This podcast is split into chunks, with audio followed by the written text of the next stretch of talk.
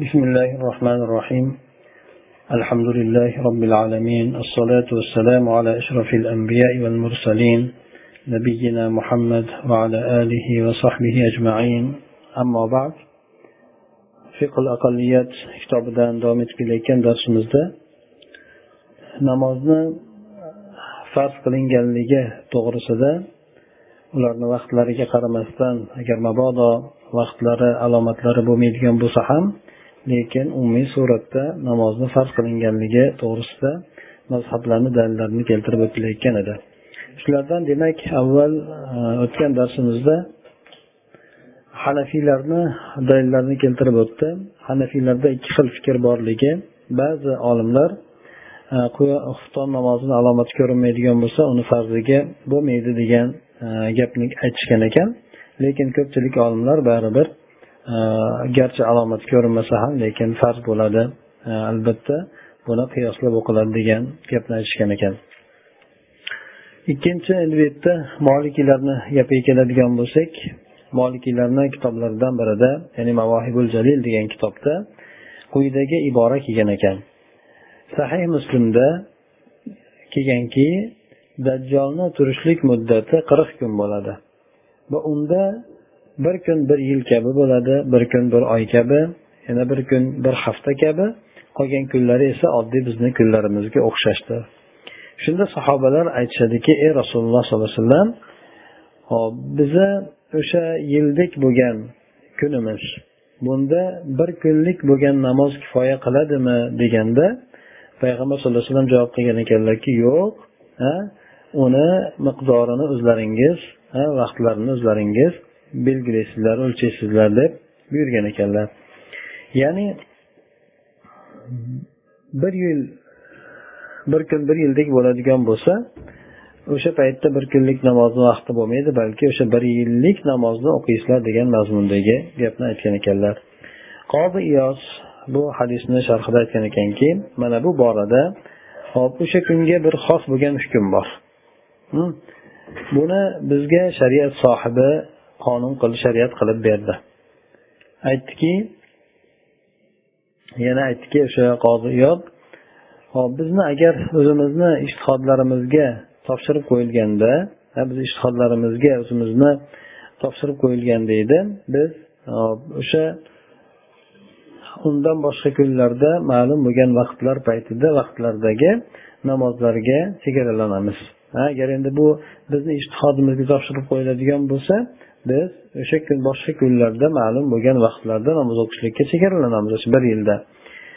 Endi degan so'zini ma'nosi agar tong otgandan keyin u bilan peshinda o'rtasidagi bo'ladigan bir miqdor vaqt o'tadigan bo'lsa har kuni bunda peshinni o'qiysizlar. So'ng o'shandan keyin u bilan peshin bilan asrni o'rtasidagi bo'ladigan vaqt o'tgandan keyin esa asrni o'qiysizlar shunday qilib demak mana shu kun tugaydi. Demak o'sha kunda belgilaydigan bo'lsa e, har mana endi hozirgi paytlarda soatlar bor. O'sha soatlarga qarab turib yana bo'lib ham e, yaqin masofadagi joylarda e, yoki bo'lmasa avvaldagi mana o'tgan yilgi namoz vaqtlari bu yilgi namoz vaqtlari bilan bu shamsiy yilgi hisobiga qaraydigan bo'lsak bir xil bo'ladi. Taxminan o'zgarmaydi. Ana shunday demak o'tgan yilgi undan avvalgi yildagi taqvimlar bilan amal qilsa ham bo'laveradi.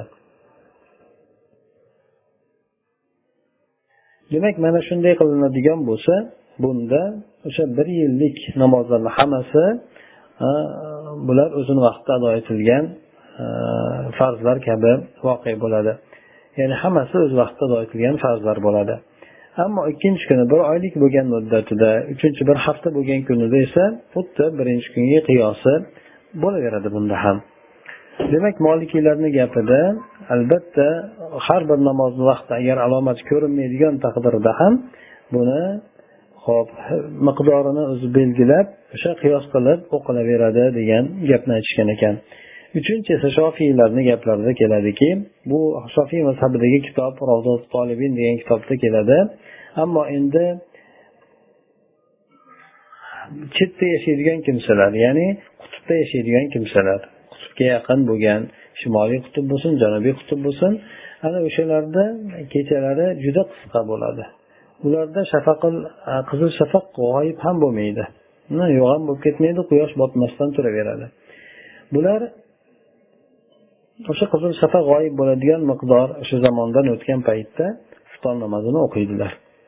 Bu o'zlariga eng yaqin bo'lgan shaharga qiyoslab turib o'qishadi ya'ni agar ularni shafaqi ya'ni eng yaqin bo'lgan diyorni eng yaqin bo'lgan shaharlarnidagi bo'lgan qizil shafaq agar ularni masalan kechalarini to'rtdan birida g'oyib bo'ladigan bo'lsa demak bu ularga nisbatan kecha e'tibor kecha deb e'tibor qilinadi.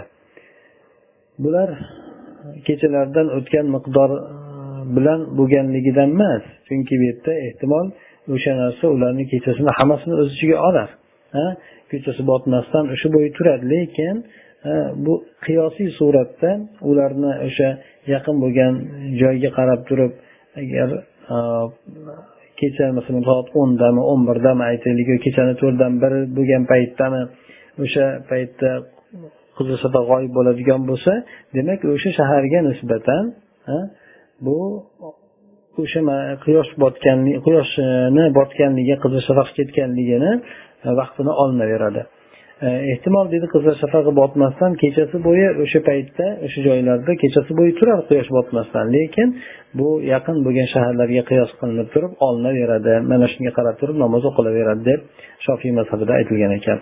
Bularda ham demak namoz tark qilinmaydi. Alomati ko'rinmasa ham albatta namoz o'qiladi. Bunda yaqin bo'lgan diyorga qiyos qilinadi deb aytishgan ekan. To'rtinchisi hambaliylarni gaplarini keltirishda aytadiki g'oyatul muntaho degan kitobda aytiladiki dajjolni kunlarida namozlarni vaqti belgilanadi. Bu o'sha odatiy miqdor bilan belgilanadi. Bu kecha bo'lsin yoki qish bo'lsin ha mana shu narsa to'g'ri bo'ladi. Ha ya'ni yozdagi kechalar bo'lsin qishdagi masalan kunduzi qisqaligi kechani uzunligi xullas kalom yil davomida o'qiladigan namozni o'sha kunlarda shunday o'tgan yil avvalgi namozini vaqtini o'qib e, belgilab o'qilaveradi. Shuningdek haj ham zakot ham ro'za ham o'sha bir kunda bo'lib masalan bir kun deganda bu quyosh botmasdan turishligini aytiladi. Hop masalan haj vaqti keladigan bo'lsa haj oxirgi mana hijriy oxirgi yilda keladi yilni oxirida keladi. Xuddi shunday zakot ham farz bo'lishligi yoki ro'za vaqti kirishligi bularni hammasini o'sha e, vaqtiga qarab turib belgilaveradi belgilanaveradi. Bunda e, saharlik ham iftorlik ham albatta. O'sha avvalgi yildagi bo'lgan vaqtiga qarab turib olinaveradi mana shunga o'xshagan gapni sohibil iqno iqno degan kitobni sohibi ham shunga o'xshagan gapni aytgan ekan.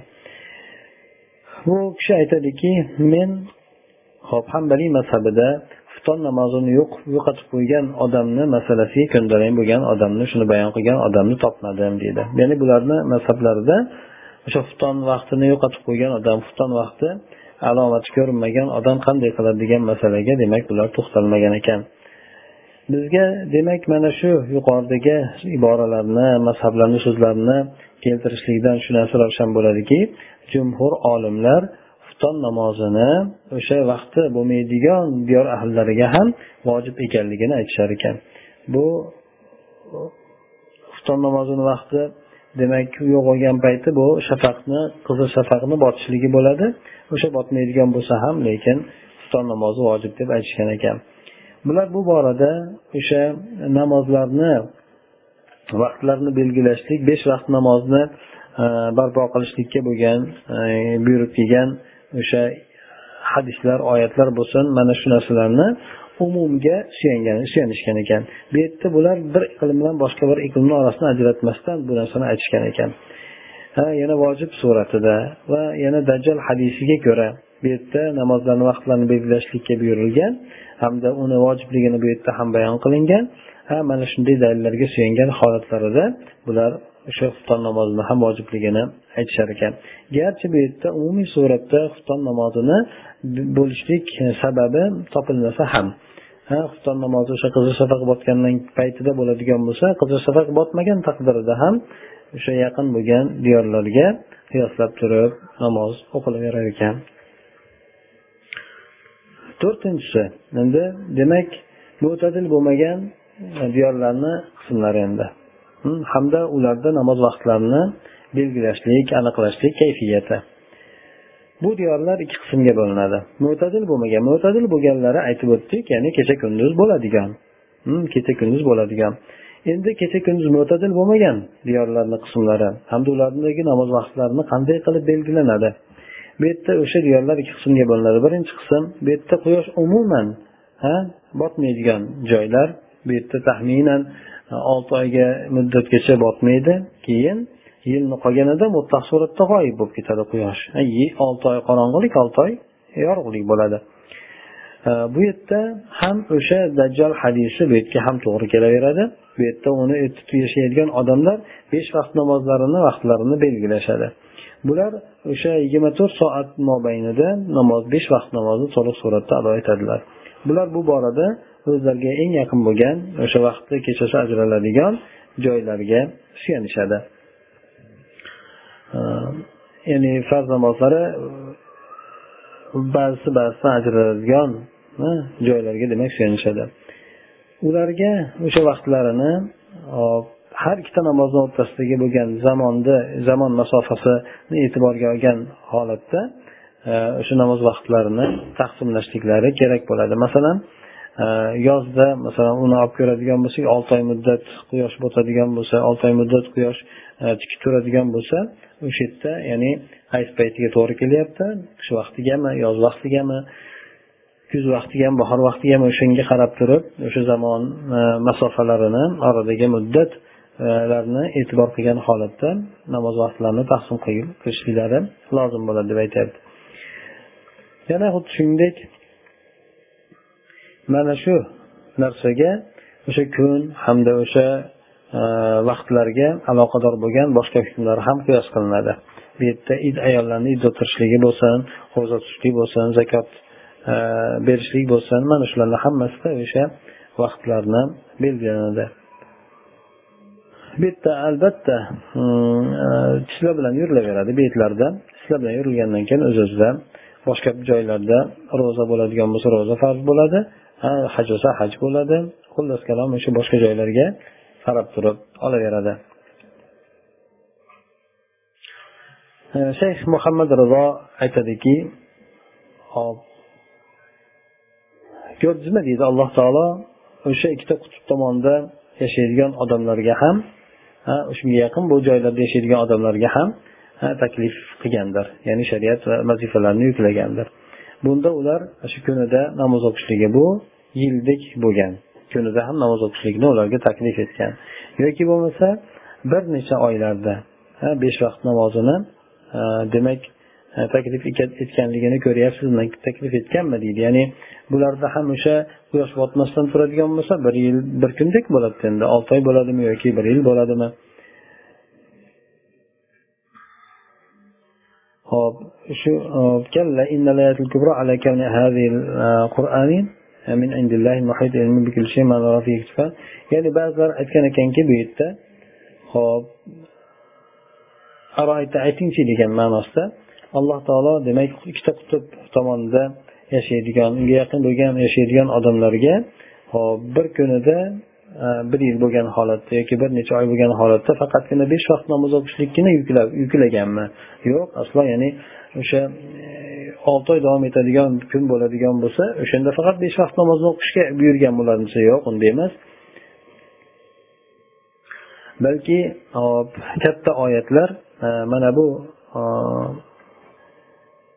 qur'on alloh taoloni huzuridan ekanligiga e, ya'ni alloh taolo ilmi hamma narsani ihota qilib turuvchi alloh taoloni e, tomonidan ekanligiga dalolat qiluvchi katta oyatlar. E, bunda biz o'sha umumiy xitobni e, ya'ni umumiy xitob bilan kifoyalanganligini ko'ramizki bunda ya'ni ya'ni uni olib kelgan odamni zamon bilan zamoni bilan makoni bilan hech qaydlanmagan. Ya'ni o'sha besh vaqt namozni ayni bir zamonga yoki ayni bir makongagina qaydlanib chegaralanmagan balki xitob umumiy suratda kelgan ya'ni e, asosan mo'tadil bo'lgan joylarni olgan holatda aytilgan g'oyri mo'tadil bo'lgan joylar ham albatta o'sha mo'tadil bo'lgan joylarga tobe bo'ladi degan mazmunda gapni aytgan ekan. Bu yerda demak namozga bo'lgan buyruqni itloq qilindi. Rasululloh sollallohu alayhi vasallam esa vaqtlarini o'sha mo'tadil bo'lgan e, diyor o'lkalarni holatiga munosib bo'ladigan e, narsa bilan vaqtlarni bayon qilib berdi. Bu yerdagi asosan katta bir qismdan iboratdir mo'tadil bo'lgan ya'ni kecha kunduz bo'ladigan o'lkalar yerda katta bir qismdan iborat. Hattoki mana islom o'sha diyorlarga biz ishora qilib o'tgan o'sha diyorlarga yetib borgan paytida ular namozlarini o'z ishtihodlari bilan belgilashliklari mumkin bo'ladi. Yoki bo'lmasa payg'ambar sallallohu alayhi vasallam e, bayon qilgan o'sha alloh taoloni mutlaq bo'lgan buyrug'iga qiyosan demak bular vaqtlarini o'shanga belgilaydilar. Lekin bular qaysi o'lkalarga nisbatan belgilashadi vaqtlarini o'lchashadi? Qaysi joyga qarab turib eng yaqin bo'lgan joygami yoki bo'lmasa ba'zilar makka madinaga degan gapni ham aytgan ekan aytilgan ekanki ya'ni tashriy voqe bo'lgan shariat nozil bo'lgan makka madina kabi o'sha mo'tadil bo'lgan diyorlarga o'lkalarga qiyoslanadi deb aytishgan ekan. Ya'ni makkani yoki madinani vaqti olinadi degan ekan. Ba'zilar aytgan ekanki yo'q o'sha ularga eng yaqin bo'lgan mo'tadil e, diyorlarni o'lkalarni vaqtini olinadi degan ekan. Ikkalasi ikkalasidan har biri joizdir. Bu narsa albatta ijtihodiydir bunda hech qanaqangi aniq suratdagi kelgan e, nas yo'qdir. Buni olimlar demak ishtihodi bilan olishgandir. Hop saudiyadagi hayati kibor ulamo e, bular o'zini o'n ikkinchi davrasida shu narsani fatvo bergan ekanki bu yerda o'sha farz namozlarini vaqtlari ajraladigan eng yaqin bo'lgan joylarga belgilashlik bilan shu belgilanadi deb fatvo bergan ekan. Ya'ni makka madinaga qarab turib emas balki eng yaqin bo'lgan o'lkalarga qarab turib beradigan mana shu narsa demak to'g'riroq bo'ladi.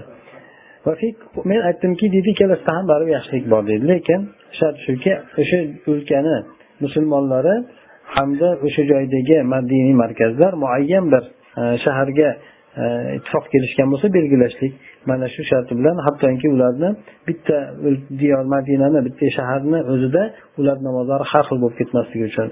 Demak o'sha bitta shahar bilan bitta shaharga kelishgan bo'lsa o'sha e, masalan aytaylik e, stokgolmni olib ko'radigan bo'lsak boshqa shaharni olib ko'radigan bo'lsak o'sha joydagi e, masjid imomlari yoki olimlar o'sha palon joyga yoki bo'lmasa yuqoridagi bo'lgan haqiqatda endi stokgolmlarda kecha kunduz ajraladiyu lekin ajralmaydigan shimol tomondagi joylarda hammasi bir, bir bo'lib turib stokgolmga yoki bo'lmasa o'sha o'zlariga yaqin bo'lgan biron bir joyga yoki bo'lmasa makkaga madinaga hammamiz o'shanga qarab belgilaymiz deb e, shu shart bilan qilishadigan bo'lsa bu narsada bo'laveradi degan gapni aytyapti.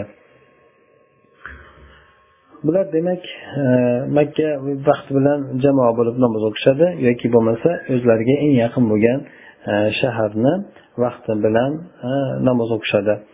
Hop ya'ni bittasi unday bittasi bo'lib qolmasligi kerak. Bularda unda agar bittasi bir jamoa makka vaqtini olsa bir jamoa o'ziga yaqin bo'lgan joylarni vaqtini oladigan bo'lsa bunda ixtilof bo'ladi orasida bo'linishlik hosil bo'ladi. Bu narsa esa qaytarilgan harom bo'ladi endi ya'ni musulmonlarni bo'linishlikka olib boradigan har bir narsa haromdir. Ikkinchi qism demak birinchi qismda quyosh uzoq muddat turishligi bir necha oylab turishligi keyin kecha bir necha oylab bo'lishligi. Mana shu yerda ikkinchi qism esa bunda e, vaqtlar ajraladi. Xufton namozidan boshqasi. Bu yerda xufton namozi bomdod bilan birga bo'lib ketadi. Ha bu mana shimoldagi bo'lgan joylarga o'xshab turib endi. Bunda ahli ilmlarni ko'pchiligini gaplaridan rojih bo'lgani shuki bu o'sha joylarga xufton namozi vojib bo'lar ekan. Buni tark qilishlik harom bo'lar ekan. Lekin bular uni ado etishlik vaqtida ixtilof qilishgan ekan. Hamda unga niyat qilishlik borasida. Bu ado bo'lib ado etiladimi yoki qazo bo'lib ado etiladimi? Vaqtida bo'lib ado etiladimi yoki qazo bo'lib ado etiladimi? Bu narsada demak ixtiloflashishgan ekan. Men aytdimki deydi bunda azhar ya'ni zohir bo'lgani dalilga yaqin bo'lgani shuki o'sha joydagi musulmonlar xufton namozini o'zlariga eng yaqin bo'lgan joy bilan belgilashadi. Bunda xufton namozi ado bo'ladi. Vaqtida o'qilgan bo'ladi. Shom namozi demak demak shom namozi esa qazo bo'ladi deydi. Ya'ni hm? uni vaqti hop o'lchashlik miqdoriga qarab turib vaqti tugaganligi uchun bu xufton namozi unda ado bo'ladi shom namozi unda qazo bo'ladi deydi. Ya'ni o'zi aslida hop belgilangan vaqtda o'qiladigan bo'lsa ado bo'ladi. Shom namozi vaqt cho'zilib ketadigan bo'lsa unda shom namozi qazo bo'ladi. Garchi hali quyosh botmagan bo'lsa ham endi. Bu yerda o'lchash bilan o'sha o'zini vaqtini tugaganligi uchun bu olam islomiyga tobe bo'lgan majmal fiqhiy fiqh eh, majlisini hop so'z ekan bu narsa. Bular e, darajada qirq besh ya'ni qirq besh gradus darajani shunga qiyoslab turib belgilashgan ekan endi tepadan qirq besh gradusda. Bu o'sha fransiyadagi mintaqalar darajasi mintaqalar e, bittasini darajasi bo'ladi deydi. Bunda qizil shafaq g'oyib bo'ladi bomdod namozidan oldin qizil shafaq g'oyib bo'ladi. Ya'ni bunday aytganimizda oq tun bo'ladigan joylarda aytilyapti endi. Mana bu mana bunday belgilashlikda harajni ko'tariladi. Haraj bo'lmaydi. Ya'ni e, shariatda bir siqintilik bo'lmaydi mana bunday belgilashlikda. Bunda yengillik bor. Albatta e, britaniya uchun unga yaqin bo'lgan joylar uchun mana shu e, joiz durust bo'laveradi deydi. Ya'ni bular qaysi joydan boshlab turib bunday aytganda belinoch bo'ladi. Belinoch bo'lishligi o'sha qirq beshinchi gradusdan boshlab turib masalan hatto bizni o'lkalarda ham oq tun bo'ladi endi kechasida. Э, qorong'uja qorong'i tushib ketmaydi. Shundan demak qorong'i tushib ketmagandan keyin bomdod namozini kirishlik vaqti aniq ham bo'lmay qoladi. Mana shunda demak bu qirq beshinchi gradusdan boshlab tepaga shimolga qarab turib demak bu joylarda oq tunlar bo'lar ekanki e, bunda agar xufton namozini belgilaydigan bo'lsa o'zlariga eng yaqin bo'lgan joyni e, vaqtini olib turib belgilanar ekan. Hozir betlarda umumiy suratda vaqtlar belgilangan.